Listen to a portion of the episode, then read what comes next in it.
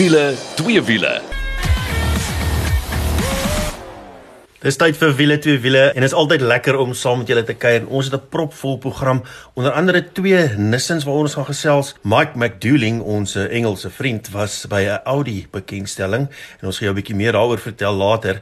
En eh, dan in die tweede helfte meneer Nicolou, altyd vol dinge en uh, hierdie keer praat ons 'n bietjie oor dinamometers of 'n dynos. Dis daai ding waarop jy jou krag van jou voertuig meet. Ja, en dan gaan ons ook gesels met Steffie Wetter van die Southern Africa Dakar Groep.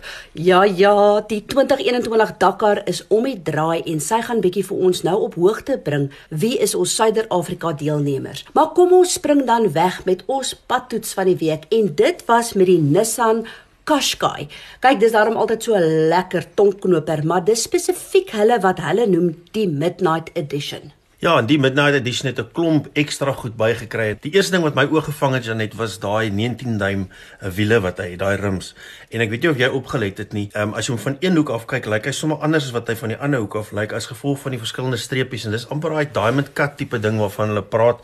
En uh, ja, ons het uh, spesifiek die 1.2 gekry turbo aangejaag met 'n CVT radkas waaroor Janet mal is.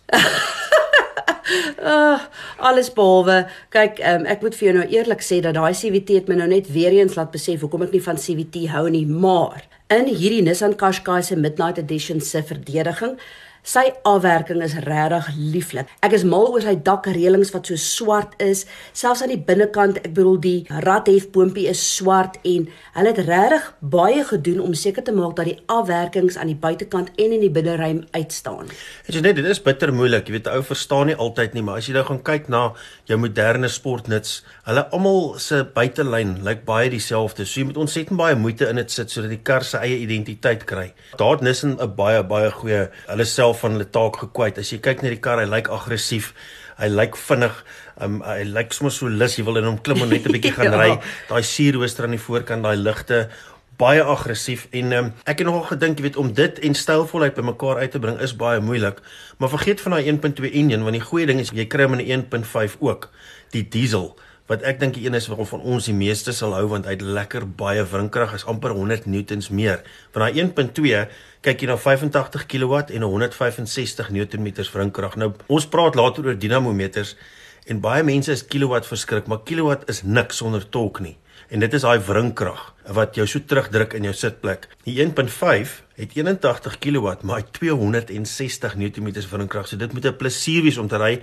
En ek glo ook hy gaan nie so dors wees nie want hierdie 1.2 as jy hom so 'n bietjie gas moet gee, jy moet die nevel so goed opgaan, dan uh, ja, die brandstofverbruik. Ja, ek het tog al redelik op pad gery met hom en uh die brandstofverbruik het ons gekry so 9.2 liter per 100 km en ehm um, kyk, daai 1.2tjie, jy moet hom nogal redelik opwen en nou as jy hom nou opwen met hierdie CVT dan kan dit nogal interessante klanke veroorsaak. maar ek dink as jy nie hastig was soos ek op 'n stadium nie, dan sal jy definitief beter verbruik kry, maar nou wil ek ook sê, weet wat staan vir my uit van hierdie Midnight Edition is al die tegnologie wat gelaai is. Het ek nou geskrikkel toe ek by ons uh, sekuriteitskompleks kom by die boom ewe skielik is daar 'n stem wat vir my sê caution restricted access. Toe besef ek jy hy toe ek nou gaan oplees.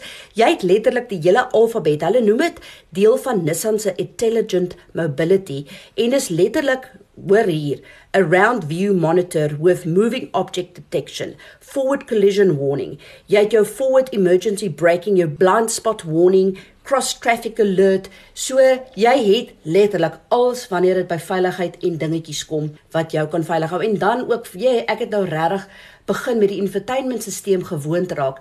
Is dit nie lekker as 'n kar so maklik kan konnekteer met Apple CarPlay of Android Auto nie? Wat 'n plesier. Ja, ek dink dit maak deesdae als deel uit van uh, wat ons verwag uit 'n voertuig uit. Dit is so snaaks. Ons het aandag gepraat uh, uh by die werk oor hierdie ou rally radio's wat jy gekry het. Hy het nie eens 'n kasetspeler bygehad nie wat jy die knoppies so ja. moes draai. En nou is hierdie al 'n groot deel. Wel, sosiale media en selfone is 'n groot deel van ons lewe. Hoe makliker 'n voertuig dit vir jou kan maak om te konnekteer en te gesels, hoe meer kan jy konsentreer op wat jy moet doen en dis jou oop op die pad hou.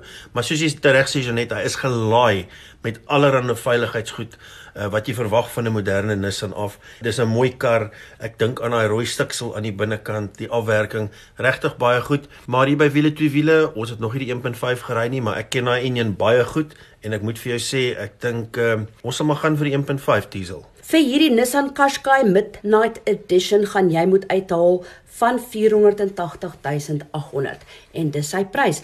Maar dit is wat Nissan se Qashqai betref, hulle Midnight Edition, dit was ons padtoets van die week. Net so vinnig bietjie nuus van die Nissan Kraal ook. Ja, die Navara het uh, 'n uh, middellewe kuur of 'n facelift gekry waar hulle 'n paar goedjies verander het om verfyn het.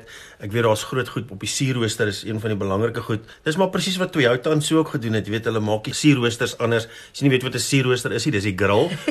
en dan ehm um, groot dinge soos daytime running lights en die feit dat die ligte voel 'n uh, eh, LED en daai tipe goed is Janet is wat baie belangrik is.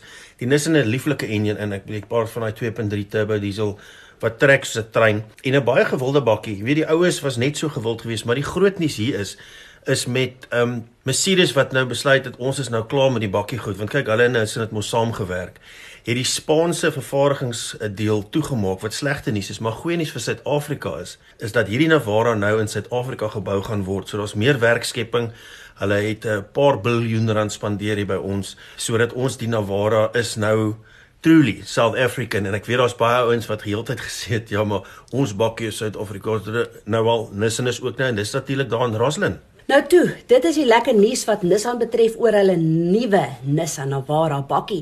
Maar nou het ons eers 'n kuiergas wat by ons gaan aansluit, Mike McDouling en hy het wiele twee wiele verteenwoordig by Audi se Q7 of dan Q7.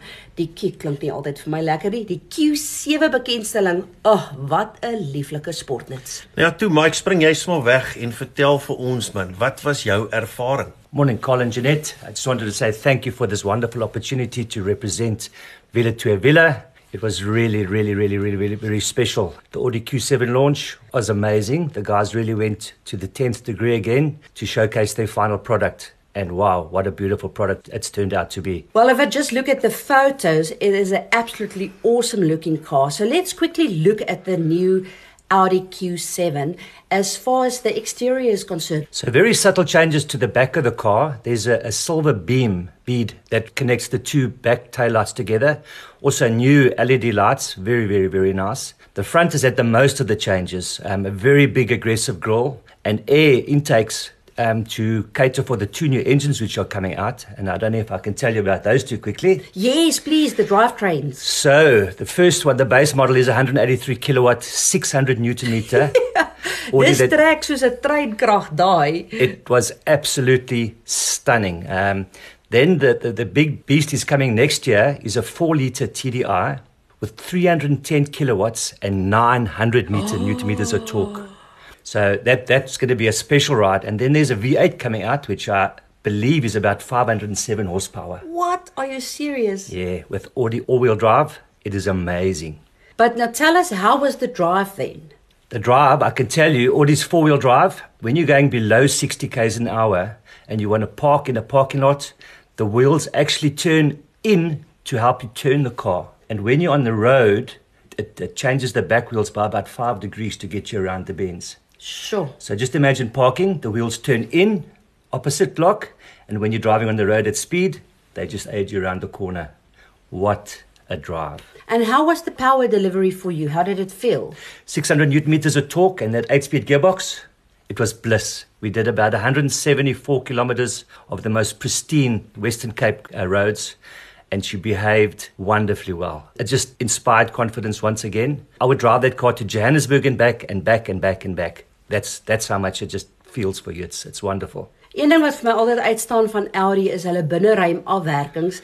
Dit voel amper asof jy in 'n luukse sitkamer sit. En natuurlik hierdie Q7 weet ons het spasie vir Afrika. Tell us a bit about the interior and changes there. So, in my opinion, I think uh, the Audi Q7 has now taken this luxury seven-seater segment over. It's definitely superior to the, the, other guys that are that are competing in this market. For one, the, the boot opens automatically. The sixth and seventh seats are electrically operated. There's air suspension. There's three screens in the car now for MMI entertainment. One is a 10.1 inch, one is a 8.1 inch, and then your virtual cockpit, it is like a space rocket. It is. It just blows you away. But listen, don't you need like a degree to operate it? So I, I, yeah, it was for me. It was very challenging, but I, I got used to the basics. I, I could, uh, I could navigate. I think the biggest changes inside as well is is the connectivity of the car. I mean, if you have an accident, if you don't make a phone call within a few minutes, the car will make a phone call for you. It'll tell whoever they speak to how many people are in the car because it measures bums in the in the seats. It's it's off the hook stuff. Yeah, you see, and that's one thing as well with Audi is when it comes to safety aspects. So there's so many safety technology built into it. You can know that you're always safe. Absolutely, you don't have to take your eyes off the road. Um, on your virtual cockpit, you can have your sat nav. You can have your, your speedometer and your rev counter either bigger or smaller. The heads up display also tells you when to turn left. It beeps you if you cross the side of the road. It, it just keeps you focused on driving. And I must say, the leather interior that leather that they use is is it's top top top class. Hoorie en dan nog 'n ding, ek weet in die verlede was dit nogal moeilik om te kies wat jy wil doen want jy het jou basiese model gehad en dan was daar so baie extras wat jy saam moes bykry dat dit wat moeilik om te kies. Dis soos ek, man gee vir my 'n Tex of 'n KitKat, dan weet ek ek het 'n keuse van twee. Moenie vir my hele rak vol sjokoladeskede weet ek waar op te begin nie. En dis presies wat Audi nou gedoen het. Hulle het dit basies hulle modelle verminder en dit makliker gemaak vir jou om 'n keuse te maak. Exactly that. So um the few the, the changes are you can, the entry level is a 19 inch rim and then you can go up to your 22 inch. Um there is a black pack which um, just blackens out the car and makes it look very, very, very special. What they've done is they've incorporated most of the technology into the entry level car so that you don't have to do add-ons and add-ons and add-ons. So the S-Line that we drove was incredibly well spec'd. But now it all boils down to price. So the entry level is about 1.4 million and the spec that we drove was a fraction over 1.7 million rand. But Janet, I can tell you it's probably the best value for money car in that segment if you look at the Volvo, the Merc and the Audi's streets ahead of them. Natuurlik het jy daai gemoedsrus ook van 'n 5 jaar 100 000 km wat hulle noem Audi Free Way plan wat letterlik alles insluit. Part of the launch as well was focusing on sales and what's happening in South Africa and we know with COVID it caused havoc within the industry. So a lot of the the, the content was about market segments. Um Audi's Volkswagen South Africa Audi have done so much work in in analyzing what they need to do what cars they need to bring into the country and how they need to operate. They know exactly what month they've lost what, which cars have sold the most, and they've done a proper market analysis to bring South Africa the cars that South Africa wants. It's exactly what the market needs. Um, just from a, a touring car, a family car, a powerful car, a luxury car, a comfortable car, and put it in dynamic mode, and it's a sporty car. The steering stiffens up and it goes It is so powerful. Nou kyk, al wat jy nou moet doen is jy moet gaan loer bietjie op ons Facebook bladsy en dit is wiele twee wiele want dan gaan jy sien hoe lyk Audi se nuwe uh, Q7 of dan die Q7 en ja, al wat ek kan weet, Mike, dit moes heerlik gewees het in daai luxe sportnuts. But thank you very much for representing wiele twee wiele. It's always a pleasure. Thank you for allowing me. It's, it's really an honor and a pleasure. Thank you.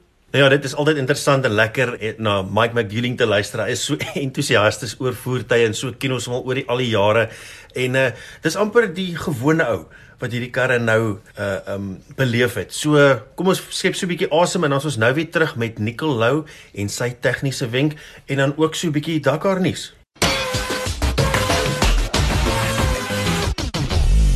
Ja, en as jy 'n vlekvrye staal uitlaatstelsel soek al uh, as jy hom wil stilhou of as jy so 'n bietjie weer jou kar moet praat, moet jy definitief 'n draai gemaak by Powerflow Belwel. Hulle kyk na alles wat jy nodig het. En uh, weet jy wat, dis nie net 'n jaar waarog nie, dis sommer 5 jaar. So uh, vir beter werkverrigting, brandstofverbruik en al Bellflow Belwel, dis die plek vir jou. En is so maklik soos www.bellflowbelwel.co.za. Nou ja, ons is nou terug by deel 2 van wiele twee wiele as jy net ingeskakel het. Ons gaan nou bietjie met Nicole Lou gesels rondom dinamo meters of dynos soos ons dit ken. Nikkel, oor na jou. Hallo Karl en Janet, vandag gaan ons 'n bietjie praat oor dinamometers of dan nou dynos. En uh, ek kon nie dink aan 'n beter plek om te besoek as Kosie Swanepoel Developments of dan nou KSD om meer te leer oor dynos nie, want kyk Kosie is daarom nou 'n man wat al jare se ondervinding op dynos het. En toe ek daar by sy besigheid instap, toe's daar nou hoeka een van hierdie Toyota Land Cruiser 79 4.5 diesel V8s op die rollers vasgetrek en daai enjin brul en uh, toe daai skerm daai syfer opkom, dis dit 194 kW. En die ouens wat weet, daai enjin is maar standaard so 151 kW. So dis nou duidelik dat hy bietjie vitamiene ingekry het. Maar nou ja,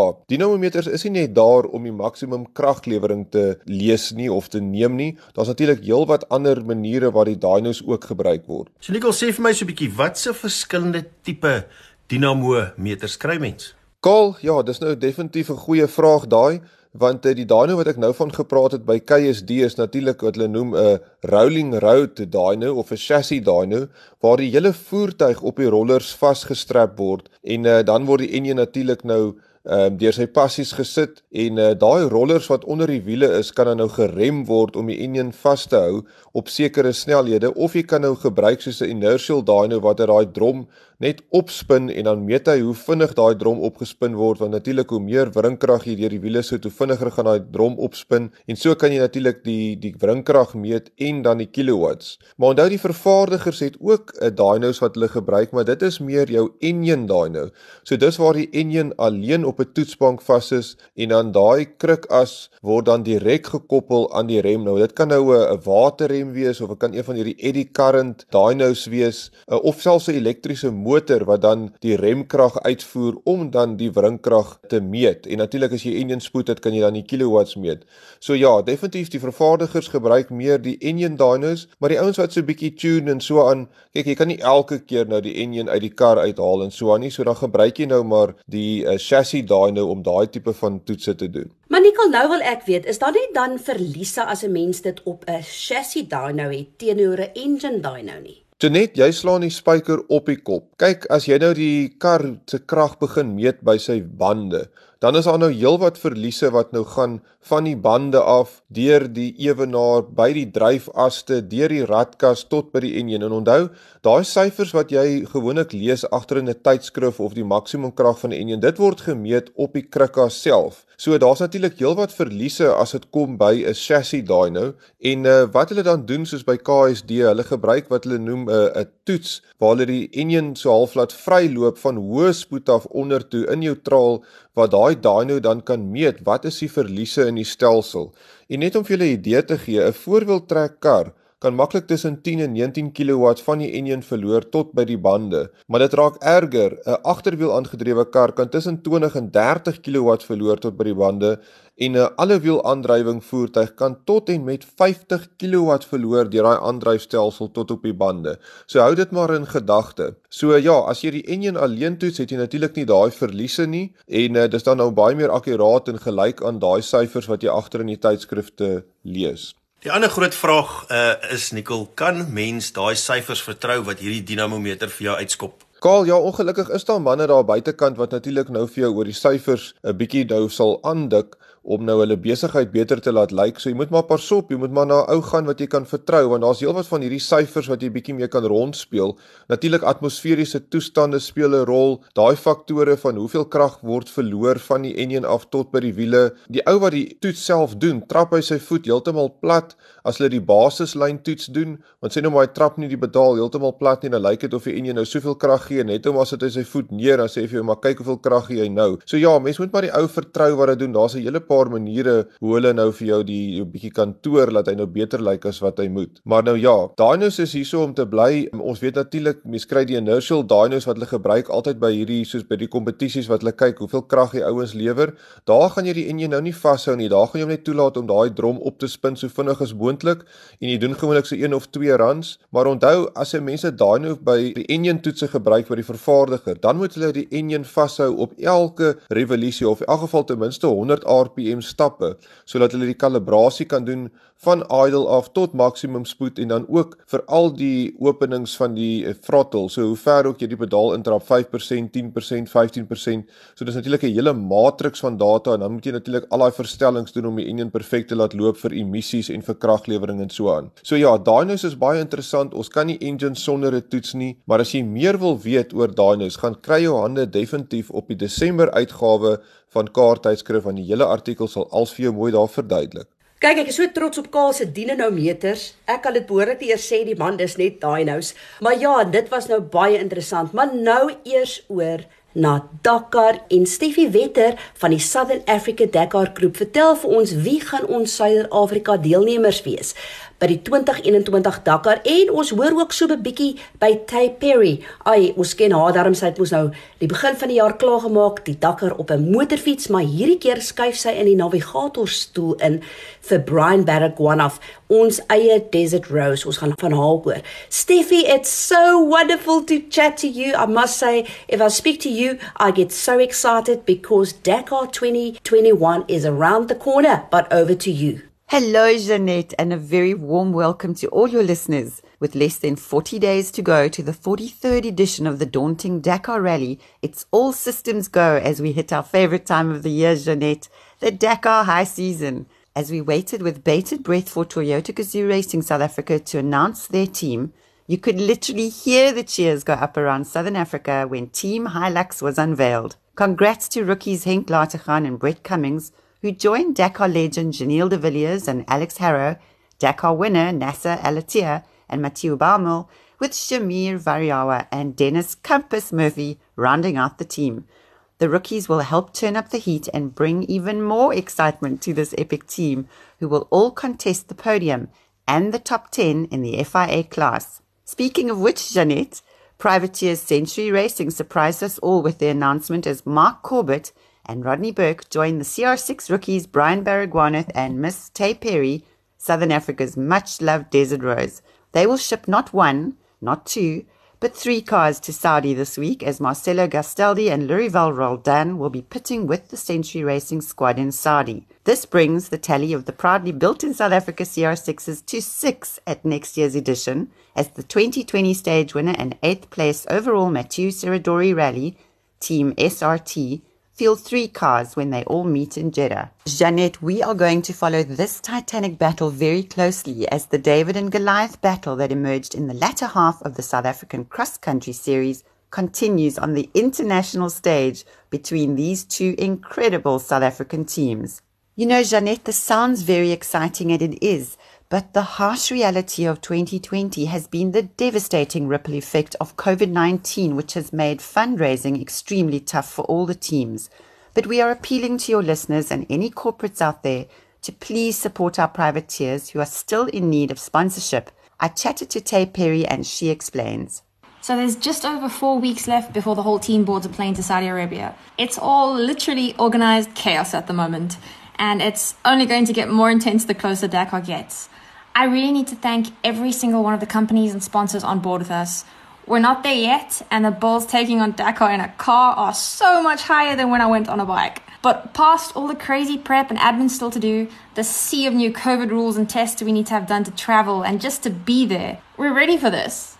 Thank you to everyone following. We'll catch you out there. If your listeners are able and want to get involved, no matter how big or small, Jeanette, please contact SADG on any of our social media platforms or email me on baragwanath42 at gmail.com for more info. But Dakar is not all cars and onto the bikes and our Kalahari Ferrari from Botswana. Yes, I'm talking about our factory rider Ross Branch who once again dons the number 18 for the Monster Energy Yamaha Rally official team. If the Andalusia Rally was anything to go by, the other factory teams will have a massive battle on their hands as Rossi and his Yamaha teammates challenge both the podium and the top 10. It's all about Botswana in the bikes next year as Mahan-based James Alexander competes in the original bimodal or Malamoto category. As if Dakar is not hard enough, Jeanette, imagine this. They tackle the world's toughest rally without any assistance.